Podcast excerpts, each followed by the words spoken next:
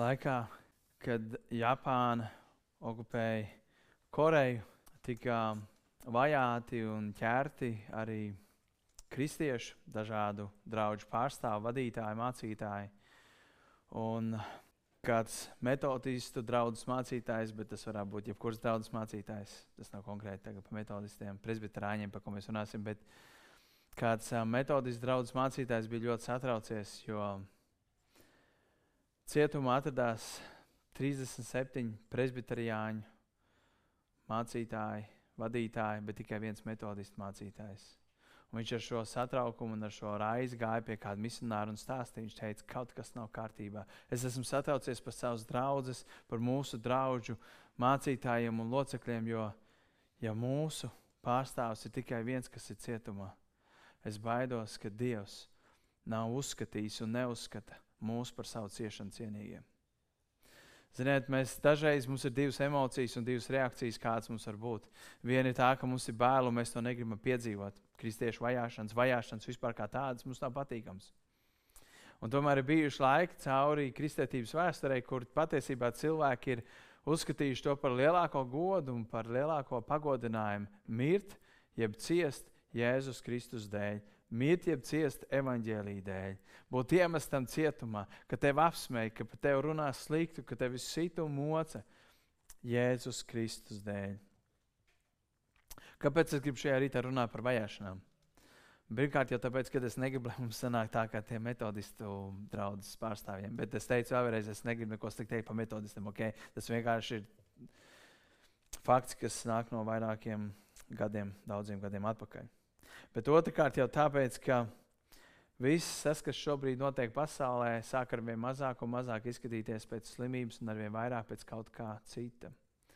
Un es neiešu vairāk tajā teiksim, spekulācija vai kaut kas tamlīdzīgs. Nē, nē, nē. Uh, novembris arī daudzās Baptistu draugzēs Latvijā ir uh, pa, izziņots, pasludināts, ja tiek aicināts vismaz kādā no novembra svētdienām svinēt tādu kā pasaules kristiešu, vajātāko pasaules kristiešu tā, tā piemiņas dienu, jeb piemiņas dienu varbūt ne, bet vienkārši, ka mēs pieminam un domājam par pasaulē vajātiem kristiešiem. Un tādēļ es arī vēlos runāt vēl vairāk arī tāpēc, ka mēs esam tādā interesantā laikā, kur kādi arī sāk piedzīvot savas ticības vajāšanu vienā vai otrā veidā. Varbūt tas, tas notiek nedaudz savādāk, kad tas notiek uh, pasaulē, daudzās vietās, proti, kad uh, mūs fiziski vēl neviens nedzenā un, un mēs fiziski nedabūjam ciest, bet iespējams kādu no jums sākat kādas lietas sajust. Un pēc visu šī, kas notiek šajā brīdī, es nesaku, ka sāksies, bet es saku to, ka var sākties kristiešu vajāšanas. Var sākties ticīgo vajāšanas. Un tas nav nekas negaidīts, vai tas nebūtu, tam nav jābūt nekam pārsteidzošam, tāpēc, ka katru dienu ir miljoniem, miljoniem kristiešu, kas ar to saskarās. Bet man ir uz sirds runāt par šo tēmu, lai arī ja gadījumā mums nāks piedzīvot vajāšanas, lai mēs būtu gatavi, lai mēs varētu saskarties, ja būtu gatavi, tad, kad mēs saskaramies, lai mēs varētu būt gatavi. Un tāpēc es vēlos, ja jums ir bībeles, jūs varat atvērt un rakstīt, ko mēs šodien lasīsim. Būs Jāņem aģēlis 15. nodaļa. Jāņem aģēlis 15. nodaļa, un es nolasīšu kādus desmit pantiņus, no 18. pānta sākot. Um, teksts nebūs uz ekrāniem, ir tikai raksturvieta uz ekrāniem. Jāņem aģēlis 15. nodaļa. Es lasīšu no 18. panta. Kad pasauli jūs ienīst, ziniet, viņa mani pa priekšu ir ienīdusi, ja esat tas, kurš runā. Ja jūs būtu no pasaules, pasaule mīlētu tos, kas viņai pieder. Bet tā kā jūs nesat no pasaules, bet es jūs esmu izredzējis no pasaules, tad pasaule jūs ienīst. Atcerieties manus vārdus, ko es jums sacīju. Kalps nav lielāks par savu kungu. Ja viņi mani vajājuši, viņi vajās arī jūs. Ja viņi manus vārdus ir turējuši, viņi turēs arī jūsējos. Bet to visu viņi jums darīs mana vārda dēļ, tāpēc ka, tie, tāpēc, ka viņi nepazīst to, kas manis sūtīs. Ja es nebūtu nācis un viņiem to teicis, viņiem nebūtu grēka. Bet tagad viņiem nav ar ko aizbildināt savu grēku. Kas mani ienīst, ienīst arī manu tēvu. Ja es viņu starpā nebūtu darījis darbus, kādus neviens cits nav darījis, tiem nebūtu grēka. Bet tagad viņi tos ir redzējuši un tomēr ienīst gan mani, gan manu tēvu. Bet jāpiepildās vārdiem, kas rakstīti viņu bauslībā. Tie mani velti ienīduši. Kad nu nāks aizstāvis, ko es jums sūtīšu no tēva, patiesības gars, kas iziet no tēva, tas dos liecību par mani. Bet arī jūs dosiet liecību par mani, jo jūs no paša sākuma esat pie manis. Amen. Es aicinu, ka mēs varam šajā brīdī pielūgt Dievu debes Tēvs. Es um, lūdzu, ka Tu nāc un runā uz mums. Tā kā toreiz šajā rakstvietā, kad Tu runāji saviem mācekļiem, viņus pamācīdams, iedrošinādams, stiprinādams, dodams cerību, es lūdzu, ka Tu runā arī uz mums. Mēs nesakām, ka šie laiki, kuros mēs dzīvojam, ir grūtāki vai vieglāki. Tie ir savādāki. Bet mēs lūdzam, Tēvs, ka Tu stiprini mūsu ticību stipri mūsu paļaušanos uz tevi. Ka vienalga, vai šodien, vai pēc gada, vai pēc desmit, vai pēc simts, ja nāk šīs vajāšanas, ka mēs būtu gatavi, cik vien gatavi var būt. Tēvs, es lūdzu, runā uz mums, uz katru vienu šajā rītā. Sastop katru tur, kur viņš ir un lieto man šajā rītā, Jēzu Kristu. To lūdzu tavā vārdā. Amen. Es gribu nedaudz iedot kontekstu šajā raksturvietā, kur mēs nolasījām. Patiesībā šis fragments no 15. nodaļas ir Jēzus Kristus pēdējā saruna ar saviem mācekļiem, tad, kad viņi ņēma šo paskām ielastu. Tā ir pēdējā saruna, kas viņiem ir. Un 17. nodaļā, kas ir viena tā pati saruna, Jēzus aizlūdz par saviem mācekļiem, un pēc tam viņi dodas uz, uz, šo, uz šo dārzu, kur jūdas viņu nodod. Un tāpēc es vēlos uh, pateikt to, ka tas konteksts patiesībā šie vārdi, kurus Jēzus dod, tie ir vieni no pēdējiem vārdiem. Jēzus uz šīs zemes pavadīja 33 gadus. Pirmos 30 gadus viņš gatavojās kalpošanai. Mēs par viņu dzīvi absolūti neko nezinām. Tikai ļoti mazs fragments. Un pēdējais fragments ir 12 gados, kas notika no 12 līdz 30. Mēs neko nezinām. Mēs apmēram nojaušam, bet pēdējie trīs gadi bija laika posms, kurā viņš sagatavoja kalpošanas darbam savus mācekļus, kurām viņš piepildīja to misiju, kāpēc viņš bija sūtīts šo zemi. Un šo trīs gadu laikā viņš nonāk pie šī, šīs sarunas, kas viņam ir ar mācekļiem. Un, ja Jēzus šos vārdus, šo fragment, ko mēs lasījām šodien, teica saviem mācekļiem, pirms viņš aizgāja prom, es domāju, tiem vārdiem ir milzīgs svars. Visiem vārdiem ir milzīgs svars, bet īpaši es vēlos šajā rītā pieskarties tam, ko Jēzus teica saistībā ar vajāšanām. Mēs lasām, kad pasauli jūs ienīst, ziniet, ka viņa mani pa priekšu ir ienīdus. Tas ir tas, ko Jēzus teica. Viņš teica, ja pasaule tev vienīs, nebrīnās. Ja tu pasaulē nepatīc, tad nebrīnās. Ja tev pasaule pret tevi slikti izturās, viņi tev vajā viņi dara jums pāri, viņi jūs met cietumos un galīnos, nebrīnās. Tāpēc, kad viņi vispirms jau man to ir darījusi. Ja es saku, ja es, kurš bija taisns un bez grēka, un es biju Dieva dēls, es biju perfekts cilvēks, kāds varētu būt, un es varēju tā, teikt tā, ka visi gribēja būt viņa draugi, Bet tomēr te ir rakstīts, ja es pats to saku, viņi man ir ienīduši. Un ko nozīmē ienīduši? Tas nozīmē to, ka viņi neticēja Jēzum Kristum. Viņi meklēja, lai apcietinātu Jēzu. Viņi meklēja, lai pazemotu Jēzu. Viņi meklēja, lai pieķertu Jēzu. Viņi meklēja, lai zaimotu Jēzu. Mēs lasām, viņi meklēja, lai apsūdzētu, viņi meklēja, lai vajātu, un viņi meklēja, lai beig beigās viņu piesist krustā. Lai briesmīgi pazemotu, piesist krustā, guldītu kapā, lai viņi nekad viņu vairs neredzētu. Tas ir tas, ko pasaule darīja Jēzu. Jēzus saka.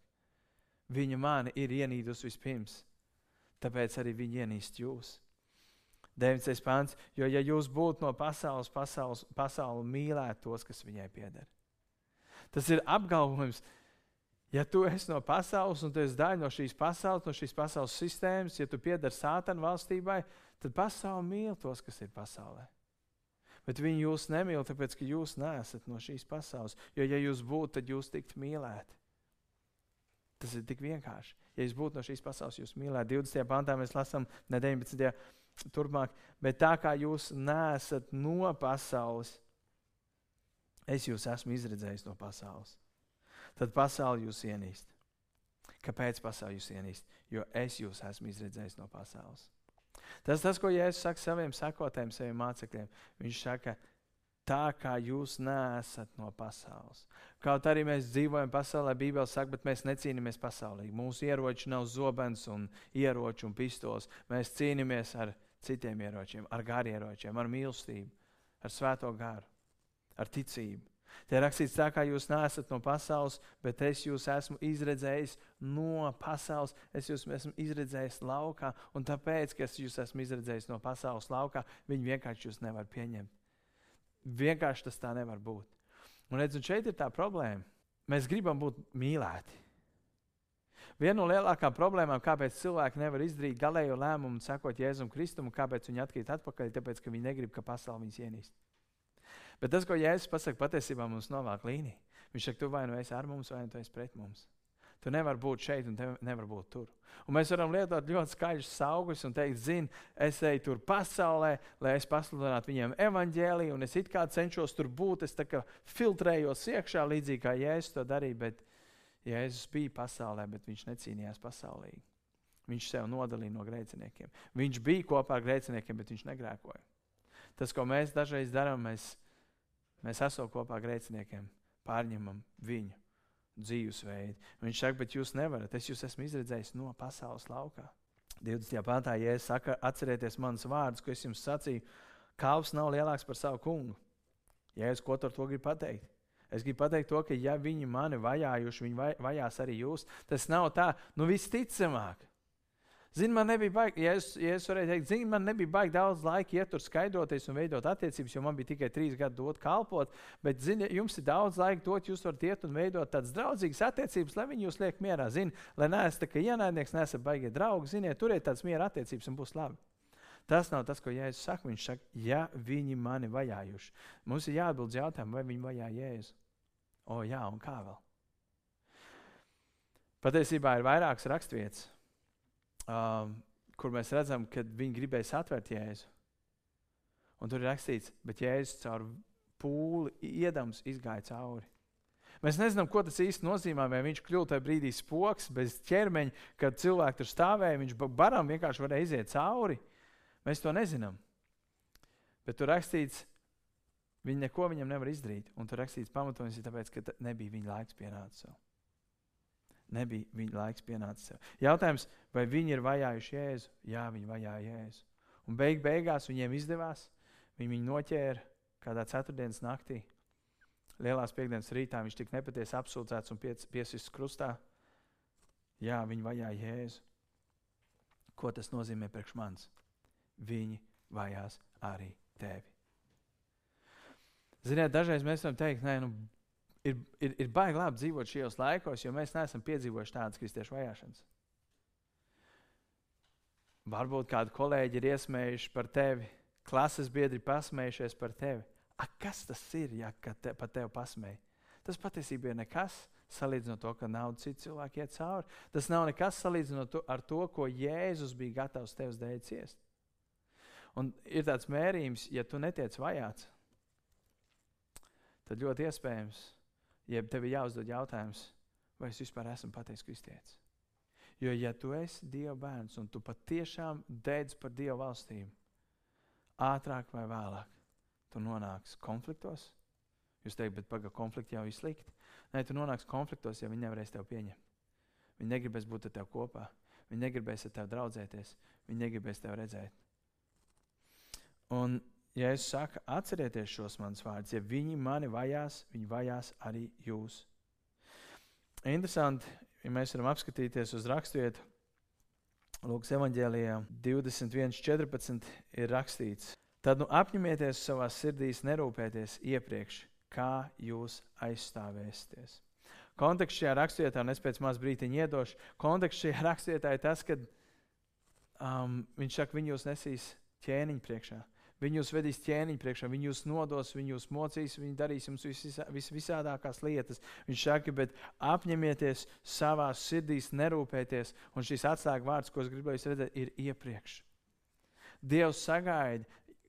Ziniet, ja es varēju teikt, Viņš varēja neteikt garu uzrunu mācekļiem, pirms viņš aizgāja. Viņš varēja neiedrošināt viņus par to, ka nāks vajāšanas, bet viņš to darīja, lai viņi zinātu, kas viņus sagaida. Un zinot to, kas mūs var sagaidīt, viņš saka, es gribu, draugi, lai jūs paņemat vērā vienu lietu. Ja es varēju teikt, varbūt kādu no mācekļiem varēja teikt tā, es, bet ārprāts man ir bail, viņi mūs vajās, un tur rakstīts, viņi, viņi to darīs, tāpēc, ka viņi man to ir vajājuši. Un tajā brīdī viņi nevarēja saprast, par ko iet runa. Jo, jā, tur bija daži konflikti, da, jā, tur bija dažas domstarpības, bet viņi nezināja, ka dažas stundas vēlāk viņu kungs ar zobeniem un ķēdēm tiks saistīts, un viņi bēgs katrs par savu dzīvību. Un, Un viņa paša dzīvības būs briesmās, un viņi nezināja to, ka nākošajā dienā viņu kungs Jēzus Kristus, kurš stāvēja viņu priekšā teica šos vārdus, būs piesprāstīts krustā. Viņi to nezināja. Un tajā brīdī, iespējams, viņi sēdēja, viņi atcerējās, viņi teica, jā, ja es to teicu, viņi mūs vajās. Un redz, ka ir viņi noķēra Jēzu, un mēs noteikti esam nākošie. Un Pēters saka, zina, man ir sieva un bērnu mājās, ko man darīt. Man viņiem arī bija šīs cilvēcīgās, cilvēcīgās lietas, bet Jēzus viņiem iedeva vienu lietu. Lūkas evanģēlī mēs lasām, tad nu, apņemies savā sirdī neraizēties iepriekš. Ir pierādīts, ka plus mīnus 90% no tām lietām, par kurām mēs raizējamies, nekad tā arī nepiepildās. Tas parāda to, ka mēs raizējamies par ļoti daudz lietām, kas nekad nepiepildās. Un, ja es šeit saku, tad, kad jūs vedīs, tad, kad jūs vajās, tad, kad jūs cietīsiet, un tad, kad tev liekas, tev būs jāatbild par to, kāpēc, viņš saka, neraizējies, ko tu teiksi. Neraizējieties. Te ir rakstīts, jo es jums došu vārdus un gudrību. Citā vietā ir rakstīts, svētais gars dos, kas jums tajā brīdī ir jāsaka. Un šeit es gribu uzdot jautājumu, vai tu tam tici? Zin, mēs varam ticēt to, ka Jēzus Kristus nomira pie krusta par maniem grēkiem. Mēs varam ticēt, ka jā, viņš ir kungs un viņš ir glābējs. Es ticu, ka viņš gādā un rūpējas par mani. Bet es gribu uzdot tagad tev personīgi jautājumu šajā rītā. Vai tu no sirds dziļumiem patiesi, patiesi tici, ja šodien šeit ienāk iekšā policija vai vienalga kaut kas sagrāb tev vai tavā mājā, kur jūs mājās skatāties, sagrāb tev un tev būtu jāatbild par savu dzīvību. Vai tu tici, ka svētais gars, tad, kad tev būs jārunā, runās tavā vietā? Jeb sēžot tajā mašīnā un vedot, vai, vai nezinu, sēžot cietumā, vai vienalga, kur tu būtu. Tu mēģinātu izdomāt, Dievs, ko man teikt, Dievs, kā man teikt, Dievs, kā man atbildēt. Dievs, Dievs, Dievs ko tu gribi, lai es daru, Dievs, kā tu gribi, lai es atbildētu. Tad tu izdomā visādas schēmas un features, un tad tu būsi varbūt ļoti diplomātisks un teiks, zini, es jau tā to nebiju domājis, un es varbūt tā teikšu, vai šitā teikšu. Kas būtu tas, kā tu rīkosies? Un tas jautājums, ko es gribu uzdot, vai tu no visas sirds tici, ka ja tu tiktu vest šīs tiesas priekšā, nezinu, tepat liepājā, vai tu tici, ka svētais gars pēkšņi sāk caur tevi runāt? Redz, iespējams, kāda no jums nemaz savā ikdienā nepiedzīvoja to, ka svētais gars var caur tevi runāt. Un tāpēc ir ļoti grūti noticēt, kāpēc, lai, ja ikdienā es to nedaru un nejūtu, tad kāpēc tagad pēkšņi svētais gars caur mani sākt runāt, tad, kad es esmu pirmkārt milzīgā stresā un bailēs. Un es domāju, ka Šodien mēs netiekam vajā, draugi. Mēs to netiekam. Bet šis ir laiks izvērtēt savu sirdi un uzdot sev šos būtiskos jautājumus, kā es rīkotos. Vai es tik tiešām varu šodien apņemties, apņemties savā sirdī, neraizēties? Tas, ko Andrejs teica liecībā, kad mums ir jābūt gataviem un modriem. Šāda veida liecības, tad, kad mēs kļūdāmies, jeb, jeb neesam modri, parāda to, ka tikpat labi mēs varam arī tādā situācijā nebūt modri. Un tāpēc mēs par to šajā rītā gribam runāt. Ja mēs skatāmies uz iepriekšējiem diviem pantiem, patiesībā es gribu izlasīt 12 un 13 Lūkas evanģēlijā. Bet vēl um, priekš tiem, bet vēl priekš tam tie savas rokas pacels pret jums un vajās jūs, jūs nododot jūs sinagogās un cietumos, vedot jūs ķēniņu valdnieku priekšā mana vārda dēļ.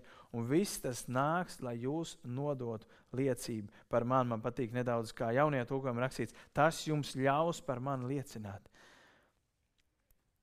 21. pantā mēs lasām, bet to visu viņi jums darīs atpakaļ uz Jāņa Evanģēlija 15. nodaļa, 21. pāns, bet to visu viņi jums darīs, tas, ko mēs tikko lasām Lūkas Evanģēlijā, to visu viņi jums darīs mana vārda dēļ, tāpēc, ka viņi nepazīst to, kas mani ir sūtījis. Tad tas, ko viņš pasaka, viņš saka, viņi dara to pirmkārt tāpēc, ka viņi nepazīst Dievu. Bet tā otra lieta, ko mēs šeit redzam, viņi jums to darīs mana vārda dēļ. Zini, Un kādu no jums iespējams to esat dzirdējuši, kad jums saka, zini, tu jau esi ritīgi sakarīgs. Tu esi īstenībā baigi sakarīgs, žeks, bet tiešām tev tā baznīca ir vajadzīga. Tu jau tiešām esi baigi foršais un labais, bet zini, nebūtu tev tā reliģija, nebūtu tev tā ticība. Un iespējams, kādi paziņas draugi ļoti labprāt ar jums pavadīt laiku, bet tikai tāpēc, ka tu tici. Un šeit ir rakstīts, um, visu to viņi jums darīs mana vārdā. Tas nav tāpēc, ka tu esi Tas nav tāpēc, kā tu izskaties, kā tu runā, tam līdzīgi, bet tas ir Jēzus Kristus dēļ. un tas jums ļaus par mani liecināt. Un es gribu, lai mēs ieraugām šeit vienu ļoti skaistu lietu. Tad, kad mēs izdzirdam vārdu vajāšanu, mums liekas, ak, nē, ak, nē. Mums liekas, tikai ne par mani, tikai ne par maniem bērniem. Bet te ir rakstīts, tas jums ļaus par mani liecināt. Jūs esat lūguši ikdienā, lai Dievs tev dod iespējas liecināt. Mēs pagājušā vai aizpagājušā, aizpagājušā nedēļā runājām par to. Un ar kādiem es esmu runājis, un es esmu teicis, piecelies no rīta un nedēļ no vietas, lūdzu Dievu par to, lai Dievs tev dod liecību, iespēju liecināt. Varbūt tas kādiem jums tas nozīmē tikt vestiem ķēniņu priekšā. Un tajā brīdī varbūt liksies, Dievs, es lūdzu, tu man dod iespēju liecināt, un te no nu es esmu saņemts ciet, bet te ir rakstīts, bet tas jums ļaus liecināt par mani. Es gribu, lai mēs ieraugām to pozitīvo pusi. Jā, no vienas puses mēs negribam būt apcietināti, negribam, ka mēs tiekam vajāti, bet no otras puses, ja tas tev un man dod iespēju liecināt, tad varbūt tas, kas ir mums vajadzīgs. Kad tu pēdējo reizi esi liecinājis kādam cilvēkam? Varbūt tas, tas ir iespēja priekš tevis liecināt. 22. pāntā, ja es nebūtu nācis un viņiem to teicis, viņiem nebūtu grēka, bet tagad viņiem nav ar ko aizbildināt savu grēku. Ko Jēzus darīja? Jēzus gāja un pasludināja: atgriezieties no grēkiem, jo debesu valstība ir tuvu klāt pienākusi. Jānis Kristītājs pirms viņa nāca un viņš sludināja tieši to pašu vēstu. Viņš teica: atgriezieties no grēkiem un liecieties kristīties. Debesu valstība ir tuvu klāt pienākusi. Šī vēsts tika sludināta. Jēzus nākošajā pantā mēs lasām, viņš saka, ja es nebūtu viņu starpā darījis tādus darbus, kādus neviens cits nav darījis, tad viņiem nebūtu grēka. Bet tagad, par cik viņi ir redzējuši, un tomēr izdara izvēli man neticēt, viņiem nav ar ko aizbildināties. Ziniet, kas ir baisi? Baisi ir tas, ka Jēzus Kristus laikā un šodienas laikā ir cilvēki, kur redz Dieva darbu viņu dzīvēs, kur redz, ka Dievs darbojas, kur redz, ka Dievs darbojas citu cilvēku dzīvēs, un tomēr viņi izdara izvēli neticēt viņam. Jeb tomēr viņi izdara izvēli, kā te ir rakstīts, un tomēr viņi mani ienīst, gan mani, gan manu tēvu. Bet viņš ļoti interesanti lietu pateica. Ja es nebūtu teicis, tad viņi būtu bez grēka. Ko tas nozīmē? Ja tu esi dzirdējis Dieva vārdu, ja tu esi dzirdējis evaņģēliju, tev nav ar ko aizbildināties. Ja es studēju evaņģēliju, viņš saka, nevienam, kurš mani dzirdējis, nebūs ar ko aizbildināties. Mēs esam dzirdējuši evaņģēliju, mēs esam studējuši cilvēkiem evaņģēliju, viņiem nav un nebūs ar ko aizbildināties. Es gribu, lai mēs apskatāmies uz apustu darbu, astoto nodaļu, pirmiem četriem pantiem. Apustu darbu, astotā nodaļa, pirmie četri panti. Tas ir laiks, kad ir sākušās vajāšanas pret pirmo draugu. Sauls ir tikko nogalinājis, ja bijis um, sargājis drēbes tiem, kas nomēta akmeņiem Stefanu. Un tad 8. pantā mēs lasām, bet Saulam viņa nāve, tad Stefana nāve bija ļoti paprātam. Tas bija pirmais asins liecinieks, kas izlēja savus asins jēzus dēļ. Tanī dienā izcēlās liels vajāšanas, kas vērsās pret draugu Jeruzalemē, un visi izklīd pa jūdejas un samarijas novadiem, izņemot apstuļus. Dievbijīgi vīri Stefanu apglabāja un viņu gauži apraudāja, bet saules postīja draugi, gāja pa namiem, tverdams vīrus un sievas un nodeva tos cietumā. Bet izklīdinātie staigāja apkārt, sludinādam evaņģēliju. Šajā rakstietā mēs ieraugam to, kas par milzīgu svētību. Varbūt tas ir nedaudz iedošs atkal kontekstu apustu darbu astotajai nodaļai, ja viss, kas ir noticis pirms astotās nodaļas, otrā nodaļā 3000 cilvēku kļūt ticīgi. Nākošajās dažās nodaļās tur rakstīts, ka katru dienu Dievs pievieno jaunus ticīgos. Katru dienu tika izglābti jauni priesteri un raksturmācītāji un vesels grupas ar cilvēkiem. Daudzi sievas un daudz vīri tika pestīti. Tas, kas notika apustu darbu pirmajās nodaļās, tur bija tūkstošiem cilvēku, kas tika pestīti. Tūkstošiem. Un šeit mēs astotais nodaļas sākumā lasījām, kāda veida vajāšanas sākās draudzē. Kad tur ir rakstīts, visi izklīdinātie, visi izņemot apstuļus, izklīd pa apkārtējiem novadiem. Visi izņemot apstuļus. Tas nozīmē, ka visi šie tūkstoši pēkšņi vienas dienas laikā ar somām, un ezelīšiem, un ratiņiem, sievām un bērniem devās uz citiem reģioniem. Tur, kur viņi netika vajāti, viņiem skrēja pakaļ. Viņi saprata, mūsu kaimiņš tikko noķēra, un tikko ezera krastā saules ir izskrējis jau cauri, bēgam prom, jo mēs esam nākošie. Viņi ņēma mantas un bēga par savām dzīvībām. Un tas, kas notiek, un šie izklīdinātie staigā apkārt sludinādam evaņģēliju. Cik milzīga svētība, kad draudz tiek izsūtīta misijā. Tas, kas it kā atnesa bēdas un vajāšanas, patiesībā ir atnesuši draudzes izaugsmu. Draudzi pēkšņi izgāja ārā no komforta zonas, un viņi darīja to, kam patiesībā viņi no paša sākuma ir radīti - iet misijā. Tas, kas Dievam dažreiz ir jāizdara, viņam ir kā ērgļu māte izmet ārā mazo ērglēnu no līgzdas, un viņš lido lai nosistos. Bet tajā brīdī viņš saprot, ka viņiem jāsāk vicināt spārnus, un viņš paceļas gaisā, un šis mazais ērglēns sāk lidot. Un tas ir tas, ko Dievs dara. Viņš izmet ārā mūs no mūsu līgzdām, tur, kur mums ir labi. Lai mēs ietu un pasludinātu evaņģēlīju, tur, kur cilvēki cieš no tā, kad viņiem nav Dieva vārds. Tas, ko es esmu novērojis Latvijā, kā minimums es to varu teikt par liepāju, un Latvijas vidzēm vēl vairāk. Traudzes nīkuļo, Mums ir skaistas draudzes. Tad, kad bija izgaismo liepāja, nu reāli skaisti izskaties trīsvienības baznīca. Bet viņa ir tukša, bez dzīvības. Un mums ir pilna, mums Latvija skaitās kristietīga valsts, bet baznīcas ir tukšas. Es Latvijā nedzīvoju ilgi, pēdējos astoņus gadus, pirms tam es septiņus gadus dzīvoju īrijā.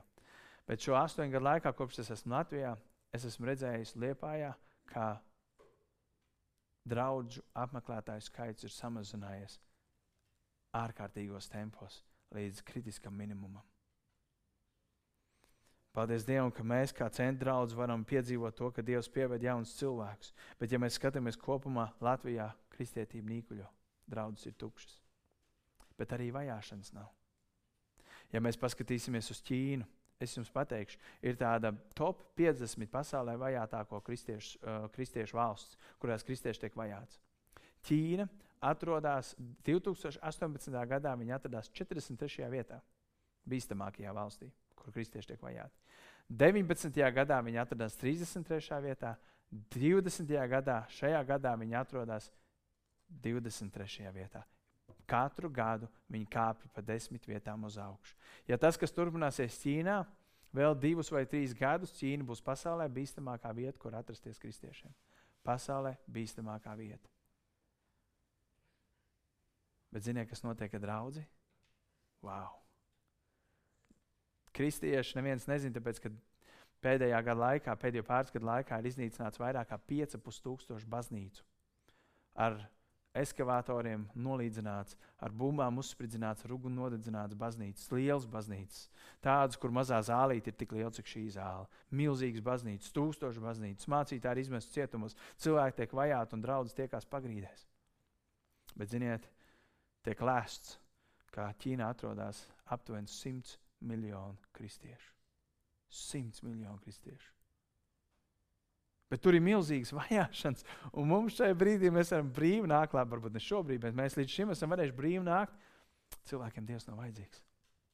Tas, ko mēs redzam, patiesībā tā, tas, no kā mēs baidāmies, ka šīs vajāšanas, no kā mēs baidāmies, patiesībā tas, ko viņas var izdarīt, ir to, ka vairāk cilvēku meklēs Dievu.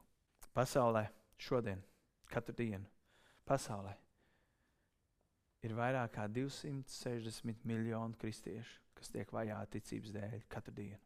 Viņi aiziet gulēt, viņi nezina, vai viņi piecelsies. Viņi nākamā dienā pieceļās, un viņi nezina, vai viņi izdzīvos. Es jums iedošu kādu stāstu par meitenīti vārdā Sūkima.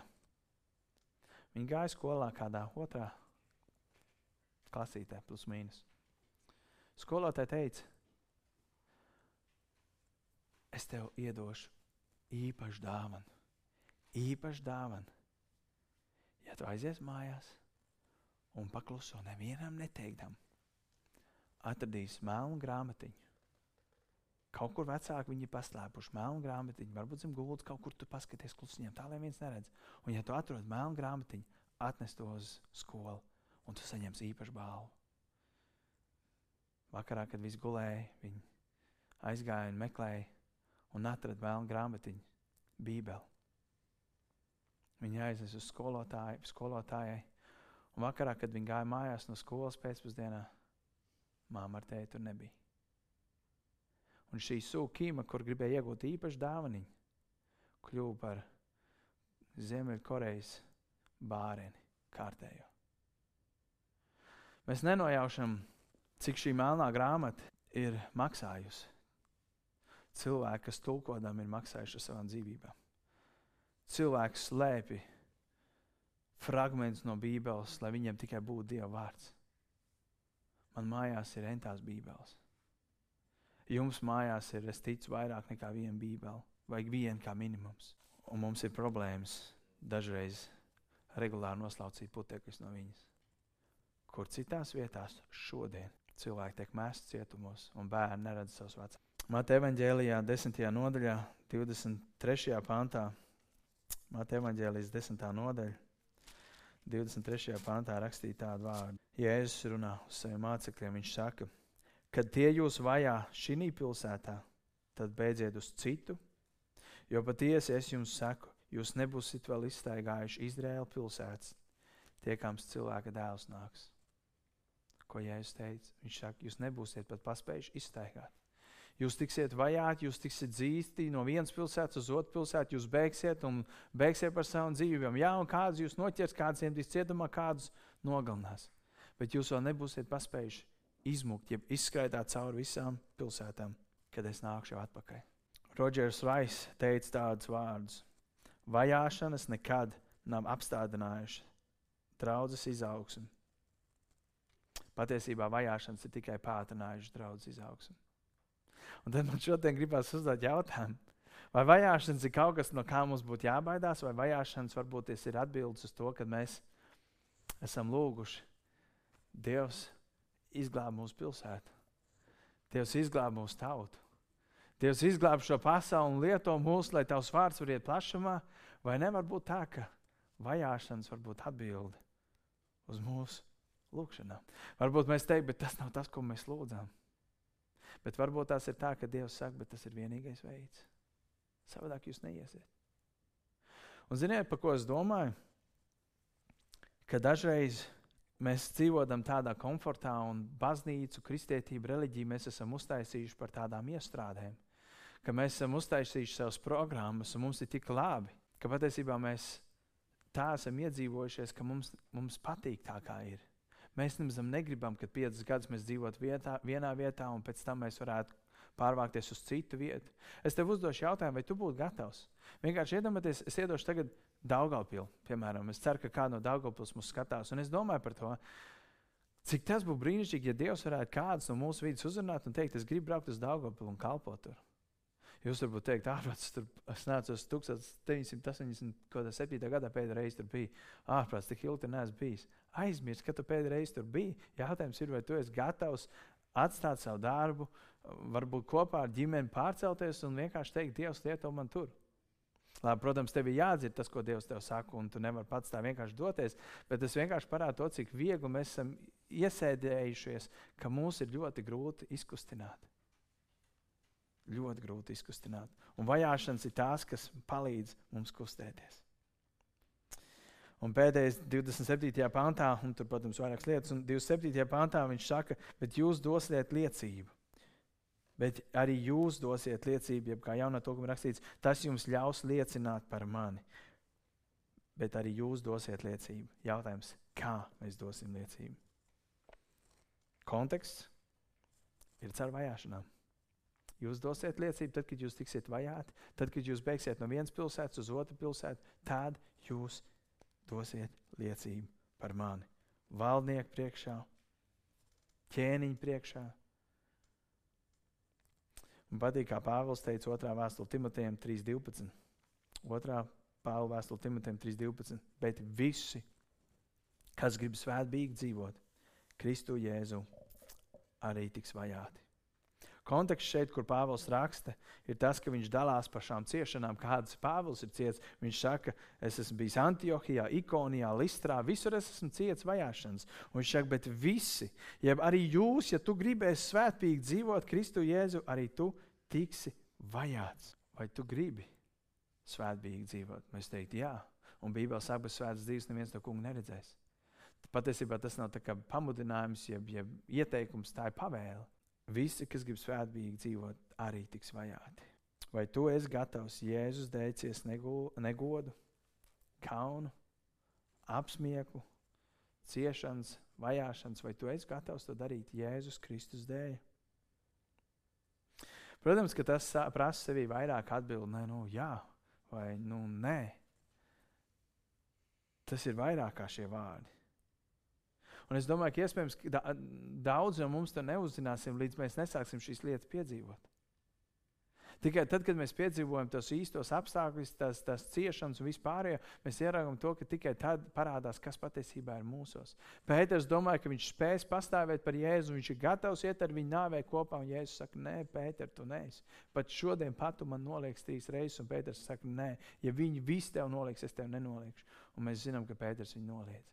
Bet pēc tam, pēc tam, kad viņš bija piedzīvojis Dieva mīlestību, Dieva žēlstību, Jēzus Pēterim teica, tagad, Pēter, tagad ej un stiprini savus brāļus. Un viņš teica, un būs diena, kad tu ies tur, kur tu negribi iet. Tu tiks saistīts un vests tur, kur tu negribi. Un mēs zinām, ka tradīcija stāsta to, ka Pēters gāja bojā mocekļu nāvē. Viņš tika piesprāstīts krustā ar kājām gaisā. Mēs nezinām, vai mēs varēsim, vai mēs nevarēsim. Bet Jēzus teica, neraizējieties, apņemieties iepriekš, ka jūs neraizēsieties, apņemieties iepriekš, ka jūs paļausieties uz Svēto garu. Jautājums, kā mēs varam sagatavoties tiem laikiem, kas varbūt nāk, varbūt nenāk. Apostoli darbu draugi, ja mēs skatāmies uz to astoto nodaļu, kad mēs lasījām, viņi tika izsūtīti vienas dienas laikā. Tur ir rakstīts, un tajā dienā sākās vajāšanas.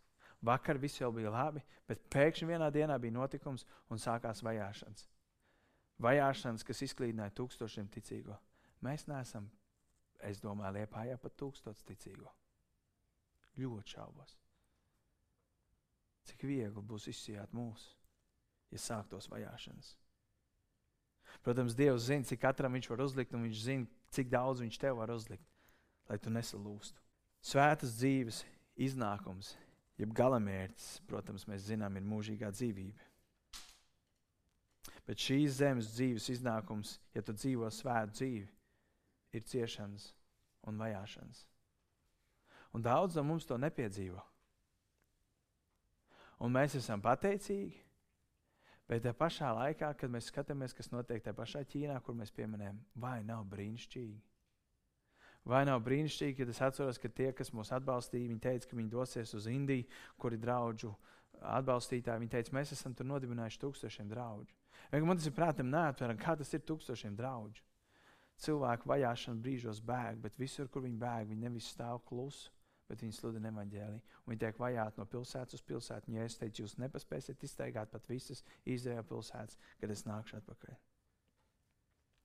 Tad patiesībā sanāk tā, jo svētāk dzīves dzīvošu, jo dievbijīgāk dzīves dzīvošu, jo lielāks potenciāls man ir kļūt vajātam, jo lielāks iespējas ir, ka es tikšu vajāts, es cietīšu cie, ciešanas. Un jautājums ir, vai tu to vēlēsies? Un šeit ir, es vēlos no, katru no mums izaicināt kādām izvēlēm. Atcerieties, Elīte teica tautai tā. Viņš teica, ilgi jūs esat dzīvojuši uz divām pusēm, ilgi jūs esat sēdējuši uz diviem krēsliem. Ir laiks izdarīt izvēli. Vai nu bāls ir Dievs, vai nu Dievs cēbols ir Dievs, bet jūs nevarat turpmāk vairs tā dzīvot. Un tas, ko es gribu varbūt šajā rītā jūs aicināt, ir izvērtēt savu, savu dzīvi un cik ļoti tu tiec vajāts. Un nav tā, ka vajāšanas ir pašmērķis, Bet vajāšanām būtu jābūt iznākumam no tā, ka tu dzīvo svētu dzīvi. Un vēl viens stāsts, kas man nāk prātā, ir stāsts par Latu un viņa sievu. Atcerieties, kad Sodoma un Gomorra bija pilna ar grēku. Un Dievs teica, šo pilsētu iznīcināšu. Un Ābrahāms lūdza Dievam, Dievs, ja tur būs desmit cilvēki, vai tu to pilsētu izglābsi? Un Dievs teica, jā, ja tur būs desmit taisni cilvēki visā pilsētā, es viņu izglābšu, es viņu neiznīcināšu. Tur atradās tikai četri cilvēki, Lācis ar savu sievu un divām meitām. Bet eņģeļi, eņģeļi viņiem teica, ka jūs dzirdēsiet, un jutīsiet, varbūt ne fiziski redzēsiet, bet neskatieties atpakaļ. Jo sērs krīt no debesīm, visu pilsētu tika dzīve sadedzināta. Viņš saka, tad, kad jūs to redzēsiet, jutīsiet, dzirdēsiet, negriežieties atpakaļ, lai paskatītos. Neskaties atpakaļ, lai paskatītos. Un viņi bēga projām no pilsētas, viņi bēga un vienā brīdī sieva paskatījās, un Bībele saka, viņa pārtapa kļuva par sāls stabu. Mēs nevaram sekot Jēzum Kristum un visu laiku skatīties pārplecam. Ja mēs esam kristieši, ja mēs esam Dieva bērni, mums ir jāsako Dievam, kā viņa mīļiem bērniem. Mums ir jātiec pēc svētas dzīves. Mums ir jāvēlās. Mēs varbūt nespējam, bet mums ir jāvēlās dzīties pēc svētas dzīves. Tertuliāns 2. gadsimtā rakstīja tādus vārdus. Viņš teica, nogaliniet mūs, mokiet mūs, spīdziniet mūs, pazemojiet mūs, nospiežiet mūsu ticīgos, bet jo vairāk jūs to darīsiet, jo vairāk mēs augsim vairumā, jo mūsu izaugsmes sēkla ir citu kristiešu izlietās asins. Kādas nes 30 kārtīgas, kādas 60 kārtīgi un kādi nes 100 kārtīgas augus. Vajā, spīdziniet, mociet. Jo vairāk jūs to darīsiet, jo vairāk mēs būsim. Vajāšanas ir tās, kas atklāja patiesību. Dažādos laikos ir bijušas kristiešu vajāšanas. Un viņš vienmēr ir atklājis to, pie kādas cilvēku grupas pieder katrs cilvēks. Un šeit man nāk prātā viens brīnišķīgs stāsts no Hitlera laikiem. Kad Hitlers vāca savu armiju, vāca savu komandu, bija kāds vācu mācītājs, Martins Niemollers, kurš bija arī ļoti spēcīgs kristietis, un viņš tika mests dažādās, dažādos cietumos un šajās visās spīdzināšanas nometnēs. Bet viņš bija ļoti spēcīgs un ļoti drosmīgs vīrs, mācītājs. Un Hitlers domāja, ja viņš viņu dabūtu savā pusē, viņš būtu spēcīgs rīks. Un tad viņš pie šī mācītāja Martina Niemolēra aizsūtīja šī Martina kādu bijušo labo draugu, kurš bija Hitlera pusē. Un kad šis mācītājs Mārtiņš tupēja savā krātiņā, pilnīgā pazemojumā un ciešanās, tad, kad atnāca šis draugs, viņš teica: Mārtiņ, kāpēc tu šeit esi? Mārtiņ, kāpēc tu esi šeit? Un šis mācītājs paskatījās uz savu bijušo draugu un teica: Mans draugs, kāpēc tu šeit neesi? Mēs vienmēr būsim vienā vai otrā pusē. Mēs varēsim būt vienā vai otrā. Kas ir labāk? Labāk ir ar Jēzus Kristus ciest negodu, nekā īsi brīdi baudīt baudu, baudīt dzīvi, bet pēc tam mūžīgi pavadīt ēlas ugunīs. Tas tas, ko Bībelē māca. Lūkas evanģēlijā 12. nodaļā 8. un 9. pāns ir rakstīti tādi vārdi. 12. nodaļa, 8 un 9. Bet es jums saku, katru, kas mani apliecinās cilvēku priekšā, to arī cilvēka dēls apliecinās Dieva eņģeļa priekšā. Bet kas mani aizliegs cilvēku priekšā, tas taps aizliegts Dieva eņģeļu priekšā. Ja es teicu, jūs dosiet liecību par mani, jums būs iespēja dot liecību par mani. Katrs ticīgais kaut kādā dzīves posmā viņš būs situācijā, kur viņam būs jāizdara izvēle vai ar jēzu vai pret jēzu. Vai nu es apliecinu jēzu, vai nu es noliedzu jēzu. Bet tam tā izvēle ir milzīgs seks. Ja mēs apliecināsim, Jēzus apliecinās mūs, ja mēs nolieksim, mēs tapsim noliegti. Tie ir vieni no bīstamākiem biedējošākiem vārdiem, kāda var būt. Katru dienu pasaulē, katru dienu 300 cilvēku tiek nogalināti ticības dēļ, tāpēc, ka viņi tic uz Jēzus Kristu. Katru dienu. Šodien 300, rītdien 300, trešā dienā 300, tie jau ir tūkstoši cilvēki. Katru dienu plus mīnus 300 cilvēki pazūd no šīs zemes virsmas tikai tāpēc, ka viņi tic uz Jēzu Kristu. Katru dienu cilvēki tiek vajāti līdz pat nāvei. Un Jēzus teica, ka nāks laika un tādas vajāšanas, ka ja tās dienas netiktu saīsināts, tad neviens neizturētu un nevarētu tikt klāts. Tas parāda to, cik ciešanas ir smagas, spēra, spraigas un, un, un, un cik stipriem mums ir jābūt. Ja es teicu, cik stipriem mums ir jābūt tad, kad nāk šīs vajāšanas un ciešanas. Ļoti iespējams, ka šodien vajāšanas nāk pavisam citos veidos. Viņas nāk citā gaismā, citā krāsā. Un iespējams, neviens mums Latvijā neskies ar nāzi pakaļ, vai nespīdzinās, vai vēl kādā citā veidā. Bet sātāna taktika vienmēr ir bijusi viena un tā pati. Izpausmes veidi ir mainījušies, bet viņa mērķis ir, lai nāktu, lai viņš nāk, viņš nāk lai zaktu, nokautu un nomaitātu. Un viņš to dara visdažādākos veidos. Un šajā brīdī nepārprotiet, es negribu vispār par covid runāt un visu to. Bet tas, kas lēnāk, lēnām notiek, tas, ko es aicinu, draugi, ir turēt acis vaļā, turēt ausis vaļā, bet pats galvenais - turēt sirdi vaļā. Lai tajā brīdī, kad mēs jūtam, kad mūsu ticība tiek vajāta, ka mēs varam piecelties un pastāvēt par savu ticību. Pagaidām mums ir viegli. Mēs varam nākt kopā, mēs varam sludināt evaņģēliju, mēs varam laist šo vārdu tiešraidē, lai visi Latvija to dzird. Bet es gribu aicināt, ka mēs turam savu sirdi vaļā, lai tad, kad kaut kas sāk notikt, lai mēs būtu gatavi. Tas, kas notiek šajā brīdī pasaulē, un mēs teiktu, tas jau nav tikai pret baznīcu vērsts. Patiesībā baznīcai ir vieglāki nekā citiem uzņēmumiem. Jā, uzņēmumi tiek taisīti ciet, veikali tiek taisīti ciet, bet ko sātans ar to panāk? Cilvēki zaudē darbus, cilvēkiem ir kredīti, cilvēkiem ir parādu saistības, cilvēki sāk uztraukties par savu nākotni. Viņi bija plānojuši, viņi bija izplānojuši to, kā viņi pelnīs, ko viņi pelnīs, kā viņi cels un darīs. Un tas viss vienā dienā tiek sagrauts un paņemts projām.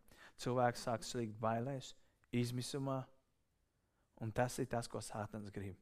Ja cilvēks dzīvo bailēs, viņš ir saistīts. Viņš nespēja rīkoties, viņš nespēja domāt.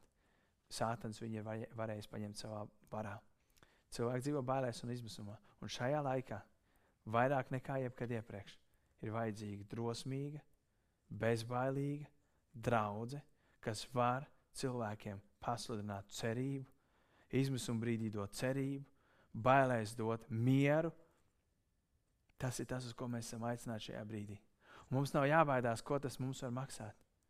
Ko par mani padomās? Ja es teicu, kas man apliecinās, to es apliecināšu tēvu un viņa eņģeļu priekšā. Mums ir vajadzīgi drosmīgi ticīgie, kas bezbailīgi šai bailīgai pasaulē var pasludināt cerību. Un tas ir tas, kāpēc Jēzus Kristus nāca. Viņš teica, es esmu nācis bailīgiem, nedrošiem, pasludināt prieka vēstu. Es esmu nācis, lai tie, kas dzīvo tumsā, lai viņi varētu dzīvot gaismā. Es esmu nācis, lai tur, kur, spīd, tur, kur ir tumsība, lai iespīd gaismu. Es esmu nācis, lai dotu cerību un dzīvību tiem, kas ir pazuduši.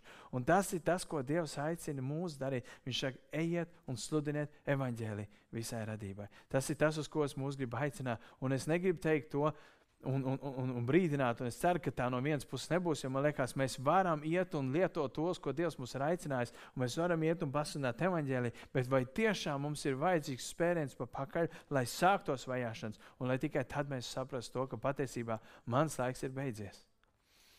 Jo, ziniet, ja jūs šodien saņemat ziņojumu no ārsta, un tev tiktu pateikts, tev ir palicis mēnesis dzīvot, vai tu savu dzīvi dzīvot pavisam savādāk? Es nevaru pateikt, kurš cilvēks tas bija.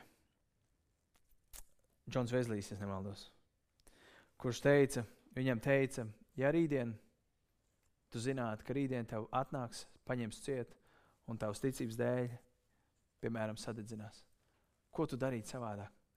Viņš teica, neko. Es no rīta celtos, agri no rīta, kā vienmēr es esmu cēlies četros. Es pavadīju nākušās trīs, četras stundas ar savu kungu, kā vienmēr es to esmu darījis. Es iešu un sludināšu evaņģēlīju, draudzē, kā es to vienmēr esmu darījis. Es neko nemainītu.